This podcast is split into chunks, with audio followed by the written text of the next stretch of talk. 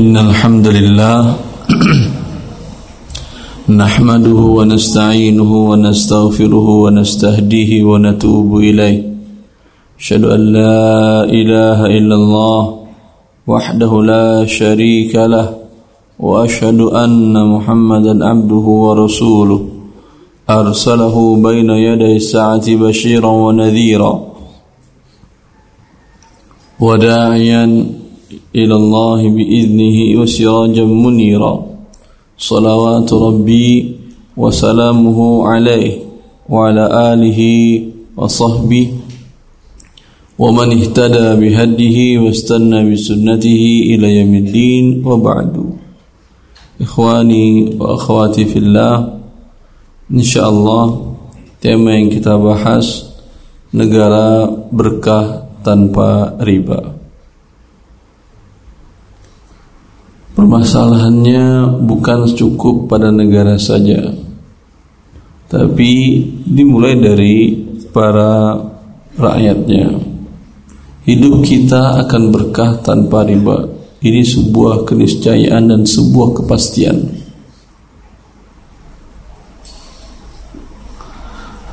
Karena yang memiliki langit dan bumi ini Allah Azza wa Jal telah membuat sebuah ketentuan sebuah hukum yang berlaku. Dengan Allah sampaikan kepada kita dalam firman-Nya yamhaqullahu riba wa yurbis sadaqat. Allah akan hancurkan riba. Orang berharap dengan riba tadi dia mendapatkan pertambahan uangnya Kata Allah tidak Allah hancurkan riba.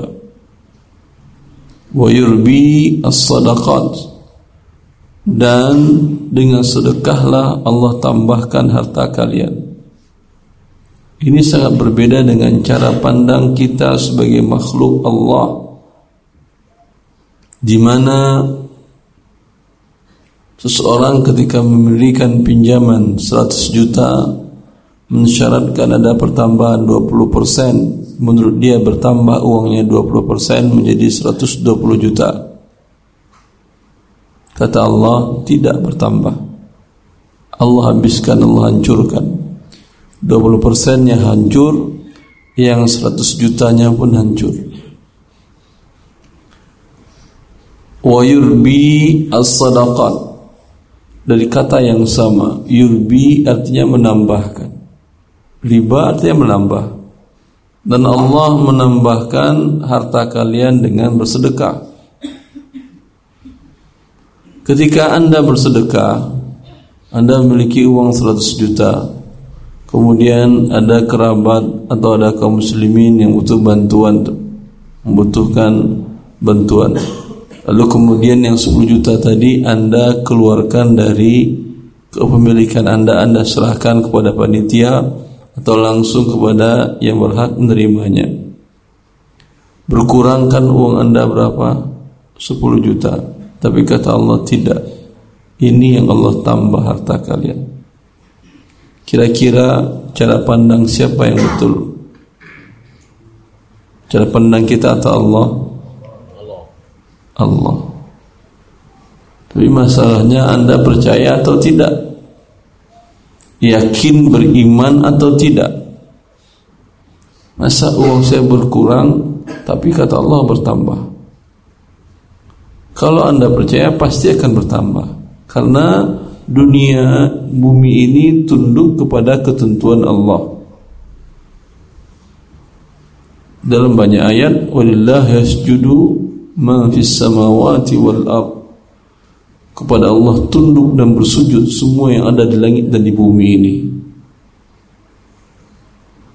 Semuanya sujud dan tunduk. Pepohonan, gunung, bebatuan semuanya ya. Bahkan mereka lebih takut kepada Allah daripada manusia. Karena kita tidak mengenal Allah dengan baik. Makhluk yang lain kenal dengan Allah. Sampai batu pun menggelinding turun wa inna minha lama yahbitu min khasyatillah. Sebagian batu anda lihat menggelinding dia dari tempatnya turun ke bawah. Min khasyatillah. Karena takut kepada Allah azza wajalla kalaulah Allah mengatakan lau anzalna hadzal quran ala jabal la ra'aituhu la ra'aitahu khashi'an mutasaddian min khasyatillah kalau Allah turunkan kalamnya yang mulia Al-Quran kepada gunung batu akan kalian lihat gunung tersebut begitu khusyuknya, begitu takutnya dan pecah hancur karena takut kepada Allah Azza wa Jalla. Karena semua makhluk Allah mengerti akan Allah Azza wa Jalla. Hanya manusia saja yang tidak mengerti Allah Azza wa. Ya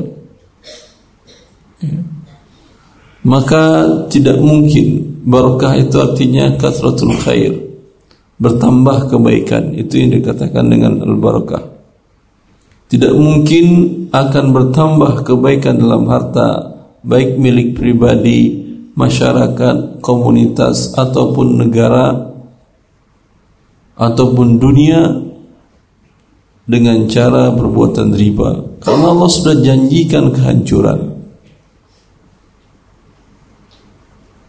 Kalau anda katakan Ustaz semua dunia sekarang mengatur ekonominya dengan riba Mereka maju-maju saja. Dari mana anda tahu mereka maju-maju saja?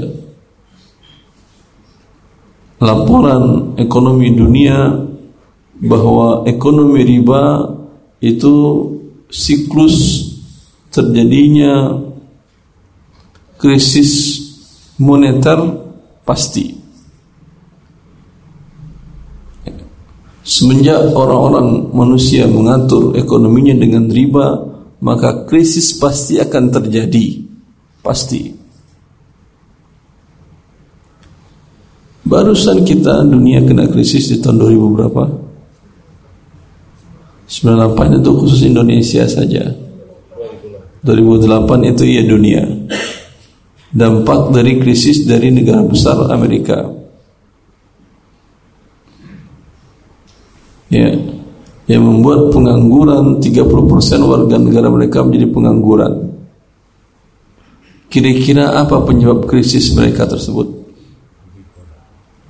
Ribanya riba apa? KPR. Subprime mortgage kata mereka. Ya. KPR. Anda di sini muslim masih pengen dapat rumah pakai KPR. Mereka yang sudah membuat teori riba tersebut sudah merasakan pahit getirnya dengan riba. Ya. Apa penyebab terjadi mortgage? Biasa, kan teori yang kita katakan bahwa tidak ada yang bisa menentukan suku bunga naik atau turun. Ketika di tahun 2007, 2006 mulai kalau nggak salah, di mana suku bunga di Amerika rendah. Ya. Maka orang berlomba-lomba mengajukan kredit untuk pemilikan rumah atau KPR. Ya, karena suku bunga rendah. Dengan demikian ya akan memiliki rumah dengan harga yang terjangkau oleh mereka. Itu yang mereka harapkan. Dan itu yang terjadi. Tapi saya katakan sekali lagi di 2007 orang tidak tahu ternyata bunga naik. Apa dampaknya? Ketika bunga naik, ya orang-orang yang pinjam uang umpamanya satu miliar atau 100 juta dengan bunga umpamanya KPR 100% selama lima tahun umpamanya sekarang bunga kredit naik menjadi 150% umpamanya per 5 tahun atau 200% per 5 tahun tadi. Ya. Maka yang di harga rumah yang 100 juta menjadi 300 juta. Apa yang terjadi? Kalau dia tetap bayar, itu rumah tidak ada harganya lagi. Maaf, ketika mereka tetap bayar, harga rumah terlalu mahal. Ketika mereka masih mencicil di tahun 2008, 2000 awal akhir 2007 tahu bunga menjadi naik, harga menjadi uang menjadi mahal yang harus mereka bayar. Ketika itu banyak mereka tidak mampu melanjutkan cicilan ribanya. Ketika tidak mampu mereka sudah pasrah. Pasrah disita oleh bank rumah-rumah tersebut. Ketika disita rumah tersebut harus dilelang berarti harganya akan turun. Karena rumah terlalu banyak yang akan dijual dengan cara lelang. Harga rumah turun sedangkan suku bunga tinggi. Apa yang akan terjadi? Orang tidak akan mau lagi melanjutkan kreditnya, pembayarannya. Karena kalaupun dibayar nanti lunas harganya nggak ada. Lebih baik mereka tidak melanjutkan. Apa yang terjadi? Macet semua kredit. Ya, dia subprime mortgage namanya. Kemudian hancur-hancuran negara Amerika. Dampaknya terimbas ke negara dunia karena mereka ekonominya besar, maka negara-negara kecil pun kena dampaknya. Ini dampak dari riba. Padahal semua dunia berkiblat belajar ekonomi riba kepada Amerika. Sedangkan mereka mengalami krisis ekonomi paling sering. Saya pernah membaca karya ilmiah ditulis oleh Profesor Dr. Sulaiman Al-Ashqar tentang di tahun 1000 apa namanya Great Depression Great Depression depresi dan krisis ekonomi pada tahun 1932 ya Great Depression itu berapa? Ada yang tahu? Ada yang sudah lahir waktu itu? Itu menghancurkan ekonomi riba ekonomi Amerika pengangguran sampai di atas 60 persen. Dan di PHK ya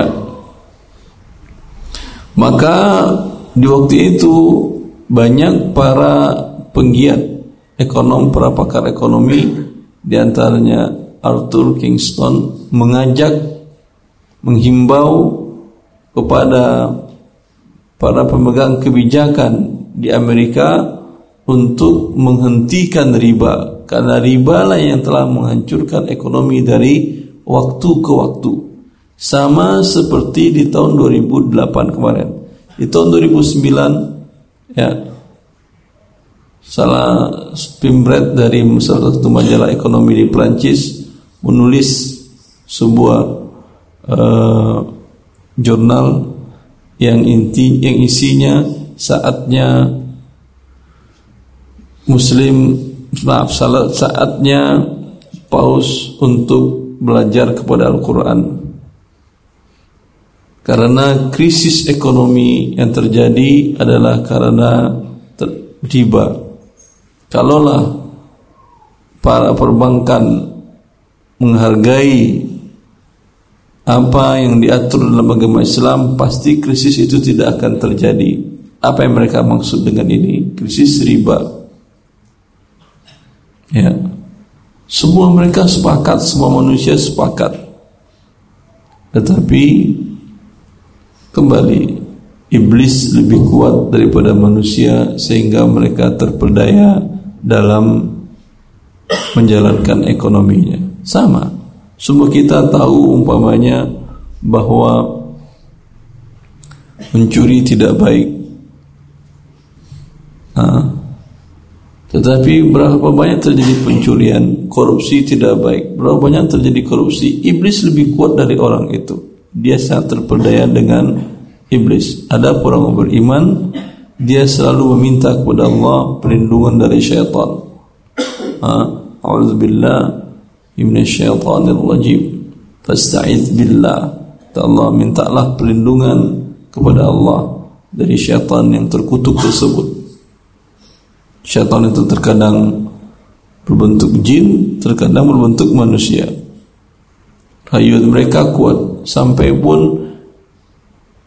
Adam alaihissalam nenek moyang manusia pertama pernah terayu oleh syaitan. Ya. Semua orang tahu bahwa negara yang membesarkan riba dalam sistem ekonominya pasti negara tersebut tidak akan bisa berbuat semaunya. Dan negara kita pada ketika terjadi krisis moneter 98 sudah merasakan pahitnya untuk menjadi seorang peminjam dengan cara riba.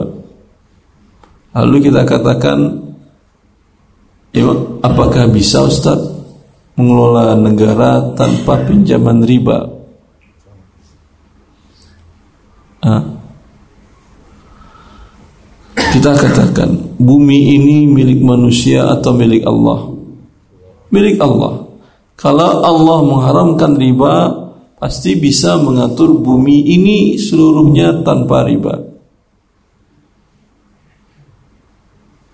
Sudah pernah diterapkan oleh Rasulullah sallallahu alaihi wasallam dan para khulafaur rasyidin di mana negara dijalankan tanpa pinjaman riba dan tanpa ada pajak. Tidak ada pajak, bisa negara berjalan. Kalau dikatakan kebutuhan negara di waktu itu mungkin tidak sebesar sekarang. Mungkin juga tidak, tapi keberadaan harta di waktu itu juga tidak sebanyak sekarang. Dulu tidak ada ditemukan sawit, tapi ada kurma Ustaz. Ya. Tapi tidak ada minyak ditemukan di waktu itu. Emas pun ditambang seadanya, berbeda dengan sekarang. Ya, seluruh kekayaan Allah bukakan kepada manusia.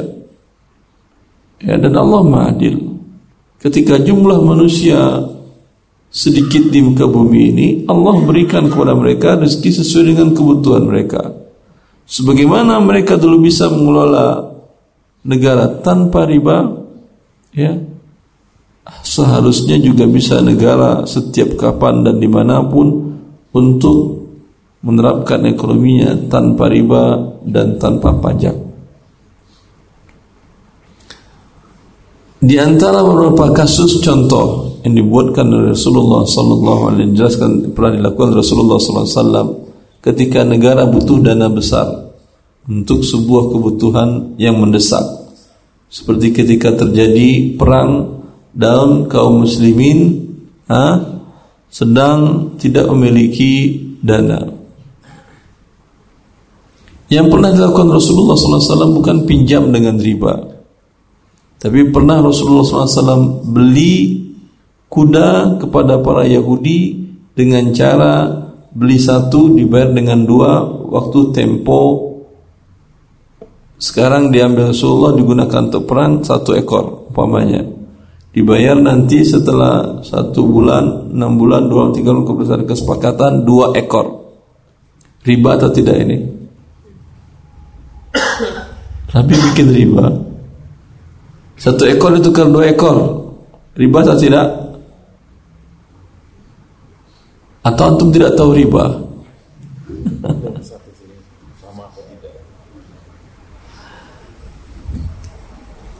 kuda tidak termasuk komoditas riba. Sehingga boleh ditukar berlebih. Boleh nggak tukar satu mobil dengan dua mobil? Hah? satu motor dengan dua motor boleh atau tidak?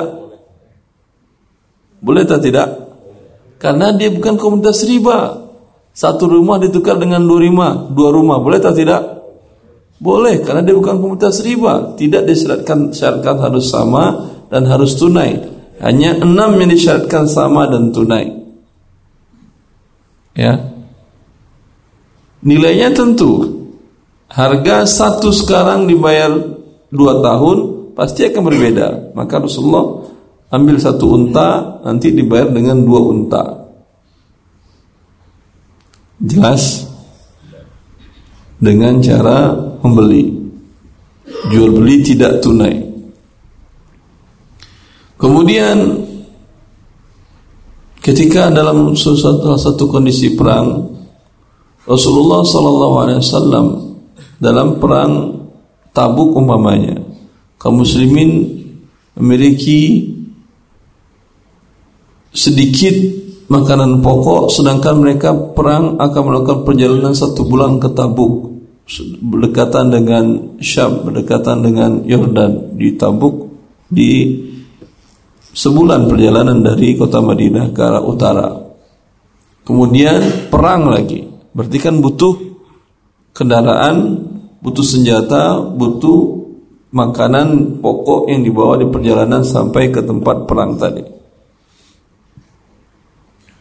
Dan kondisi sedang susah karena itu di musim panas. Musim panas kurma saatnya berbuah.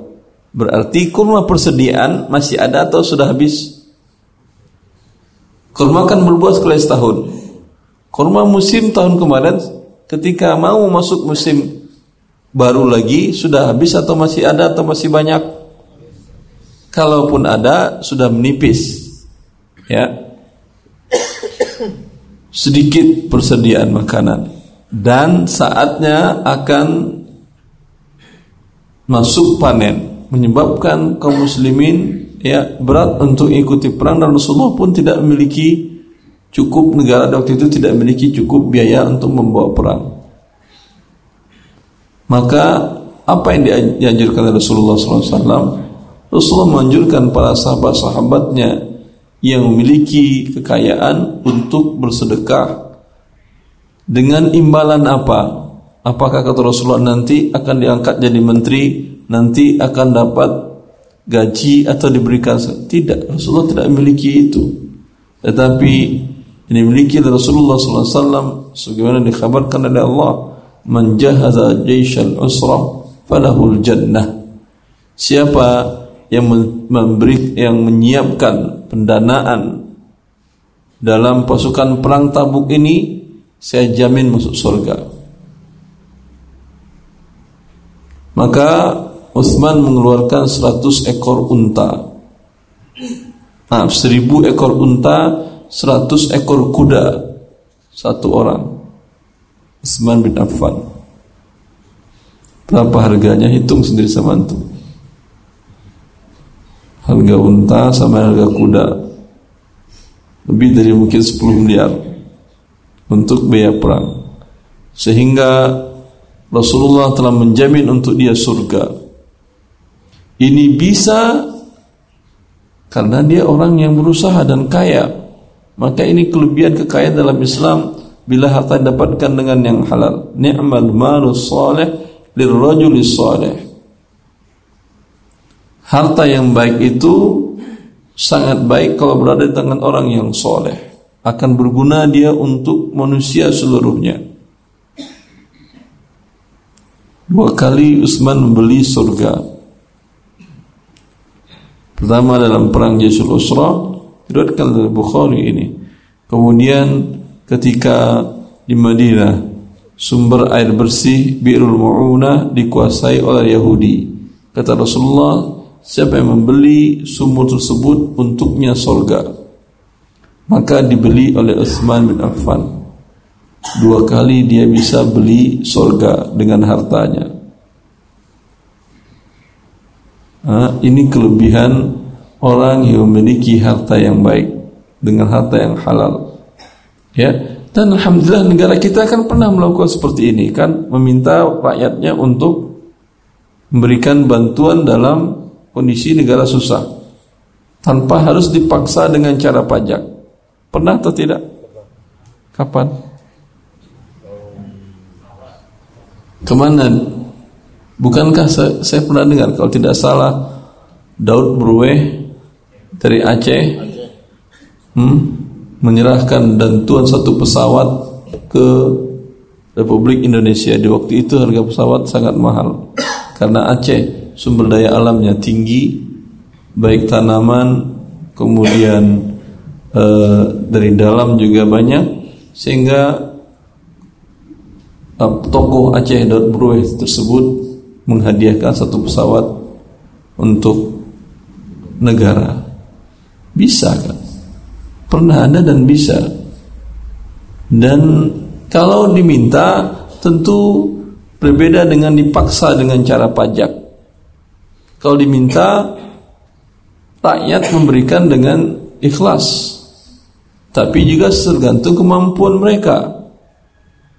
Tapi kalau dipaksa Mampu tidak mampu Anda harus bayar belum gaji diterima sudah dipotong langsung dalam bentuk pajak.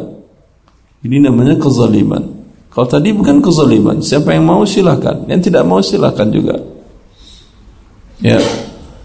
Bentuk lain yang pernah dilakukan oleh Rasulullah sallallahu alaihi wasallam ketika negara membutuhkan biaya besar dan negara tidak memiliki uh, perbendaharaan yang cukup di waktu itu dengan meminta para sahabat yang kaya untuk membayar pajak selama dua tahun tiga tahun ke depan. Maaf, membayar bayar pajak saya katakan tadi, membayar zakat saya maksud maaf. Karena di masa Rasulullah dan para sahabat Khilafah Rasyidin tidak ada pajak. Zakat ditarik oleh negara. Ya, Kapan ditarik sekali setahun? Ketika negara butuh biaya besar, maka Rasulullah tidak pinjam ke Bank Dunia World Bank waktu itu dengan cara riba, tidak. Tetapi para sahabat yang kaya diminta oleh Rasulullah zakatnya untuk 2 sampai 3 tahun ke depan. Termasuk kepada Al-Abbas bin Abdul Muttalib. Seorang masih paman Rasulullah dan dia seorang saudagar kaya. Ya, ini metode yang sebuah sistem yang bagus bagi masyarakat baik kaum muslimin dalam menerapkan pembangunan apa pun juga. Ya, kalau tadi dalam bentuknya zakat pernah saya ditanya oleh kaum muslimin dari sebuah kota di Sumatera mereka memiliki sekolah Islam yayasan memiliki sekolah Islam sekolah tersebut membutuhkan pengembangan lahan dan pembangunan lalu mereka menanyakan tentang skema yang sudah mereka buat dengan salah satu perusahaan penerbit buku.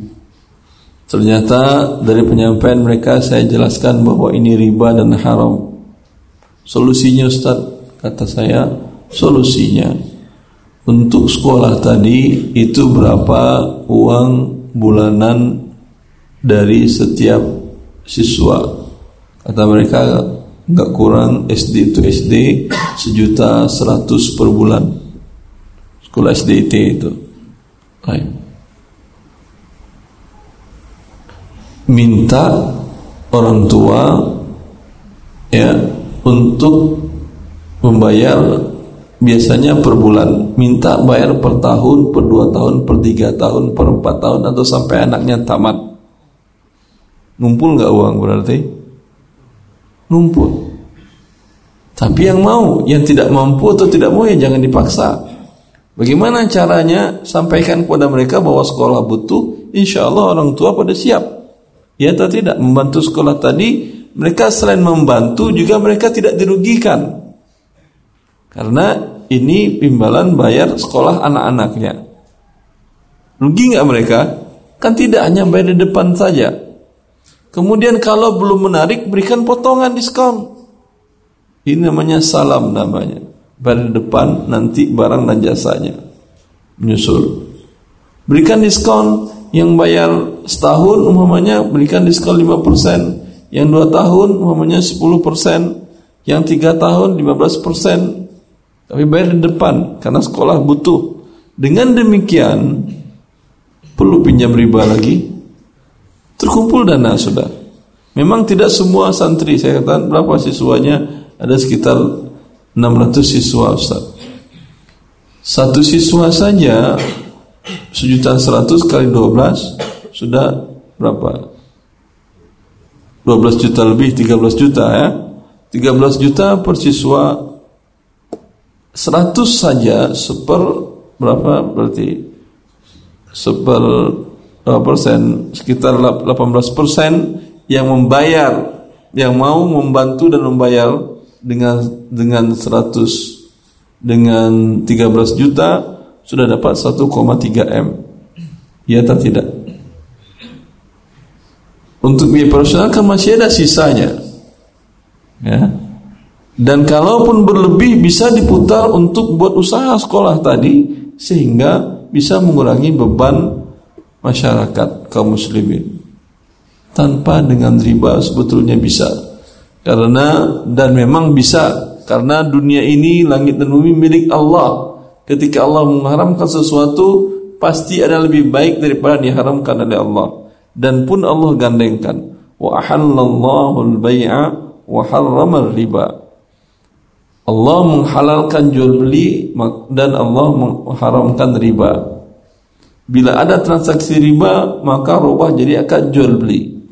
Sehingga dia menjadi halal.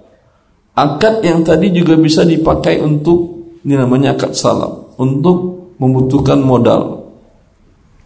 Ya. Seorang nelayan umpamanya ingin pergi melaut. Itu kan butuh biaya kan? Sewa kapal kalau nggak punya kapal kemudian biaya melaut makan bensin segala macam. Kemudian juga biaya untuk keluarga ditinggal. Biasanya orang kan berutang dengan cara riba kepada tengkulak. Nanti khas dengan syarat hasil tangkapannya harus dijual ke tengkulak ini dengan harga semau tengkulak pasti. Dia yang menekan karena dapat pinjaman tadi. Ini unsurnya riba. Ingin juga dapat melaut tadi. Dapat modal juga. Dengan cara yang halal. Bagaimana caranya? Robah dari akad jual beli. Ya. Umumnya dibutuhkan modal 10 juta. 10 juta. Ya. Buat akad jual beli Katakan biasanya 10 juta itu dapat sekitar 1,2 ton ikan umpamanya. 10 juta. Anda katakan bayar di depan 10 juta, saya kasih ikan 1,5 ton. Ini jual beli halal. Sama dengan yang tadi. Halal. Wa halallahu al-bai'a wa harrama riba atau dalam bentuk gadai yang umpamanya banyak dilakukan oleh kaum muslimin di mana-mana di dunia ini. Baik di Indonesia di Arab di Asia Tengah di mana pun riba itu menjadi pinjaman gadai pegang gadai itu menjadi gaya hidup manusia. Karena iblis yang menggoda mereka semuanya sama. Ya dalam bentuk umpamanya Anda butuh uang 30 juta untuk modal atau untuk sekolah anak atau segala macam. Anda gadaikan biasanya apa yang bisa digadaikan? Kebun atau kendaraan? Hah? Kalau di sebagian daerah sawah umpamanya. Umpamanya sawah atau mobil Biasanya sawah tadi atau mobil tadi atau motor tadi dipegang oleh si pemilik pinjaman, eh, si pemilik uang yang berikan pinjaman. Selama uang belum dipakai ini digunakan oleh dia gratis. Hah? Nanti kemudian dibayar sejumlah uang, Pemain pinjam 30 juta, sawah tadi selama lima tahun dipakai oleh dia ketika punya uang 30 juta dibayarkan. Ini dari mana ribanya? Ribanya adalah ketika dia membayar bukan 30 juta lagi yang dia bayar. 30 juta tambah sewa sawah selama 5 tahun gratis. Ya, itu pertambahannya. Sewa sawah umpamanya per tahun itu ada sekitar 3 juta. 3 kali 10 sudah 30 juta udah sama, harusnya nggak ada lagi dibayar 30 juta, kembalikan sawah orang. Kalau tidak, maka yang dibayar dia bukan 30 juta tapi 60 juta. Pinjam 30, dibayar 60. Inilah sendiri banyak. Jelas ini. Bagaimana solusinya? Seperti saya katakan tadi, Allah mengharamkan riba tapi menghalalkan jual beli dan sewa menyewa. Maka Anda katakan, Anda pemilik sawah atau pemilik uh, mobil yang akan Anda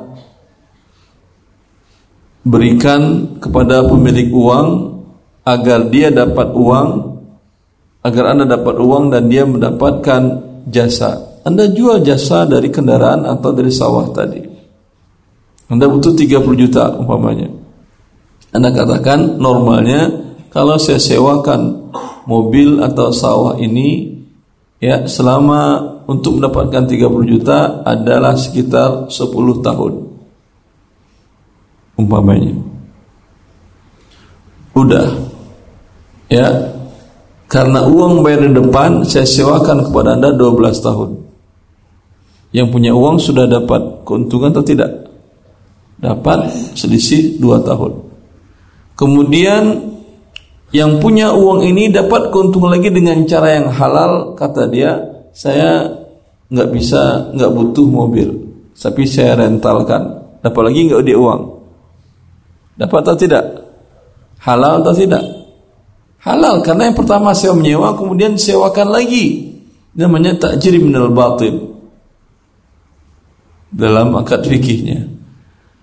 Maka halal dan saling menguntungkan.